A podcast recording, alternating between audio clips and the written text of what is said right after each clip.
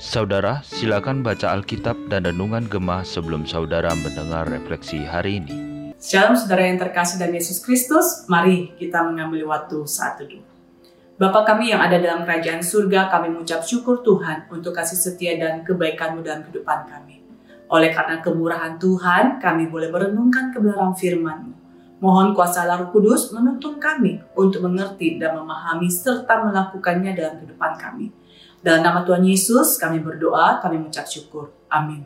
Saudara yang terkasih, mari kita membuka kebenaran firman Tuhan di dalam kitab Yesaya 24 ayat pertama sampai dengan yang ketiga. Demikianlah bunyi firman Tuhan.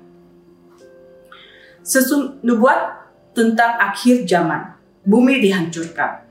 Sesungguhnya Tuhan akan menanduskan bumi dan akan menghancurkannya. Akan membalikkan permukaannya dan akan menyerahkan penduduknya maka seperti nasib rakyat, demikianlah nasib iman. Seperti hamba laki-laki, demikianlah nasib tuannya. Seperti nasib hamba perempuan, demikianlah nasib nyonyanya. Seperti nasib pembeli, demikianlah nasib penjual. Seperti nasib peminjam, demikianlah nasib yang meminjamkan. Seperti nasib orang yang berutang, demikianlah nasib orang yang berpiutang. Bumi akan ditanduskan setandus-tandusnya dan akan dijarah sehabis-habisnya sebab Tuhanlah yang mengucapkan firman ini. Saudara, pasal 24 ini adalah pasal di mana Nabi Yesaya menceritakan tentang nubuatan akhir zaman. Mengapa Nabi Yesaya menceritakan tentang nubuatan akhir zaman? Ini disebabkan oleh karena pemberontakan yang dilakukan oleh bangsa Yehuda dan pada masa itu Allah menghukum bangsa Yehuda di tengah-tengah kemersotan sosial dan kemersotan moral. Di antara mereka tidak ada lagi yang saling menghargai dan jurang pemisah antara orang kaya dan miskin itu sangat jauh, saudara. Dan terjadinya iri hati, dengki, dan bahkan percecokan kejahatan yang luar biasa, saudara. Dan bangsa Yehuda bukan lagi datang mencari pertolongan kepada Tuhan dan bukan lagi meminta kekuatannya daripada Tuhan. Tetapi bangsa Yehuda pada saat itu adalah bangsa di mana mereka mengandalkan kekuatan dari bangsa Asyur. Dan di dalam kedaulatan Tuhan, Allah memakai bangsa Asyur untuk menghukum atau menjajah bangsa Israel. Namun di dalam kesombongan bangsa Asyur, saudara, mereka pun juga tidak luput dari penghukuman yang Tuhan sudah nyatakan di dalam kehidupan bangsa Asyur. Saudara, di tengah-tengah penderitaan ini saudara, apa yang membuat mereka mengalami kehancuran, saudara? Yang membuat mereka mengalami kehancuran oleh karena mereka telah melanggar ketetapan-ketetapan Allah.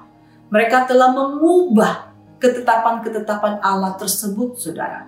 Dan mereka meniadakan atau tidak mereka mengingkari perjanjian yang telah diberikan oleh Allah. Sehingga di dalam kedaulatan Allah, Allah berhak untuk menghukum bangsa Yehuda, saudara. Sehingga di dalam ayat yang pertama, di sana dikatakan sesungguhnya Tuhan akan menanduskan bumi dan akan menghancurkannya ayat yang ketiga, Tuhan akan bumi akan ditanduskan setandus-tandusnya dan akan dijarah sehabis-habisnya. Demi sebab Tuhanlah yang mengucapkan firman ini, Allah sendiri yang mengucapkan di dalam kedaulatannya. Maka yang terjadi bumi akan berkabut dan layu. Dunia merana dan layu, langit dan bumi merana bersama-sama. Bumi cemar karena penduduk bumi akhirnya saudara ayat yang ke-19 dihanakan bumi rembut rendah, bumi hancur lulu, bumi goncang gancing, bumi terhuyung-huyung sama sekali seperti orang mabuk dan goyang seperti gubuk yang ditiup angin. Dosa pemberontakan menimpa dia dengan sangat ia rebah dan tidak akan bangkit-bangkit lagi. Akibat dari tindakan keberdosaan bangsa Israel Yehuda pada saat itu, maka semua manusia akan merasakan efek dari akhir zaman, saudara. Semua orang di muka bumi ini tanpa terkecuali akan merasakan efek akhir zaman yang akan mengubah wajah alam semesta. Sehingga nasib setiap rakyat maupun imam, para budak laki-laki dan tuannya, budak perempuan dan nyonyanya, para peminjam dan piutang, para pembeli dan penjual, yang kaya dan miskin tidak akan lupuk saudara dari penghukuman karena akibat dosa. Saudara, tidak ada lagi sukacita di dalamnya, tidak ada lagi pengharapan yang ada adalah ketakutan dan kengerian yang terjadi, saudara. Namun dalam situasi yang demikian, saudara, ada satu pujian yang dikumandangkan. Pujian ini yang menyatakan bahwa penghukuman Tuhan bukanlah untuk membinasakan, tetapi membawa bangsa Israel, membawa bangsa Yehuda kepada suatu pertobatan bukan untuk menakut-nakuti tetapi membawa sebuah pembaharuan di dalam kehidupan mereka. Pujian yang diungkapkan, dinyanyikan dari sisa umat yang setia. Di dalam pasal 14 sampai dengan yang ke-16 demikian bunyi firman Tuhan. Dengan suara nyari mereka bersorak-sorai demi kemegahan Tuhan.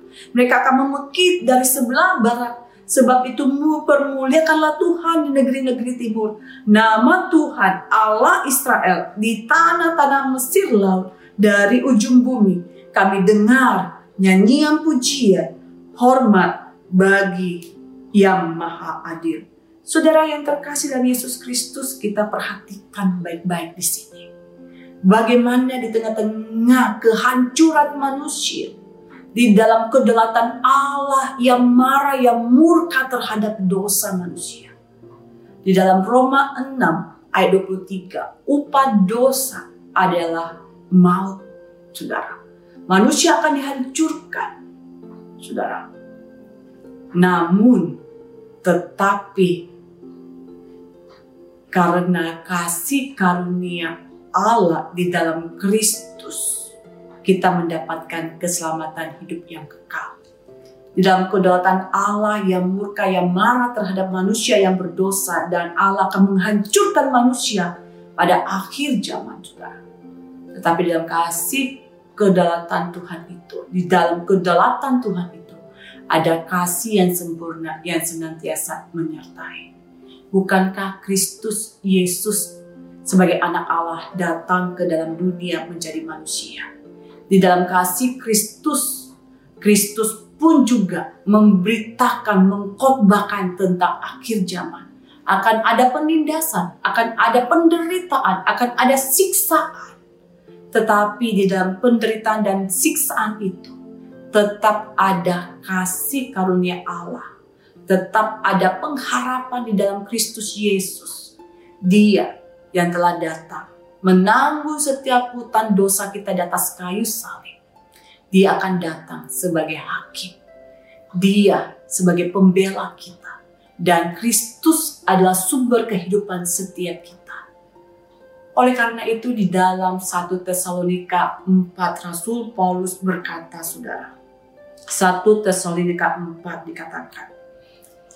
Ini kami katakan kepadamu dengan firman Tuhan kita yang hidup yang masih tinggal sampai kedatangan Tuhan sekali-kali tidak akan mendahului mereka yang telah meninggal, meninggal. Sebab pada waktu tanda diberi, yaitu waktu pada waktu penghulu malaikat berseru dan sangka kala berbunyi, maka Tuhan sendiri akan turun dari surga dan mereka yang mati dalam Kristus akan terlebih dahulu bangkit. Sesudah itu kita yang hidup yang masih tinggal akan diangkat bersama-sama dengan mereka dalam awan menyonson Tuhan di di angkasa. Demikianlah kita akan selama-lamanya bersama dengan Tuhan. Karena itu hiburkanlah seorang akan yang lain dengan perkataan ini. Saudara Kristus sendiri yang akan datang dan yang akan mengangkat kita dan akan kita tinggal bersama dengan dia. Pada saat ini kita mungkin mengalami penderitaan, kita mungkin mengalami aniaya siapkah kita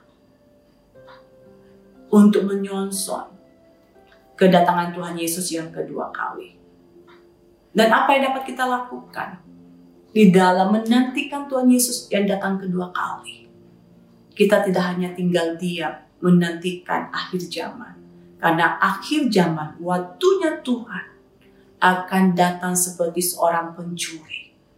Oleh sebab itu kita tetap harus berjaga-jaga terus bekerja bagi Kristus, terus kita memberitakan Injil kebenaran firman Tuhan. Sehingga melalui Injil kebenaran firman Tuhan, iman orang percaya semakin diteguhkan. Orang yang belum percaya mendapatkan kekuatan dan pengharapan di dalam Kristus Yesus. Walaupun bumi akan bergoncang dan bumi akan berlalu, namun kasih setia Tuhan tidak akan pernah bergoncang dan berlalu. Siapkah saudara? untuk menyonsong, menyambut kedatangan hari Tuhan. Dan apa yang dapat kita lakukan? Mari kita berdoa. Bapa kami yang ada dalam kerajaan surga, kami bersyukur kepadamu Tuhan. Untuk kasih setia dan anugerahmu yang limpah yang Tuhan nyatakan dalam kehidupan kami. Ajar kami untuk tetap senantiasa memberitakan Injilmu. Ajar kami untuk tetap setia menantikan kedatangan Tuhan Yesus yang kedua kali. Menantikan hari Tuhan yang kau nyatakan dalam kehidupan kami. Dan kami tetap siap siaga bekerja bagi engkau. Dalam nama Tuhan Yesus kami berdoa, kami mengucap syukur. Amin.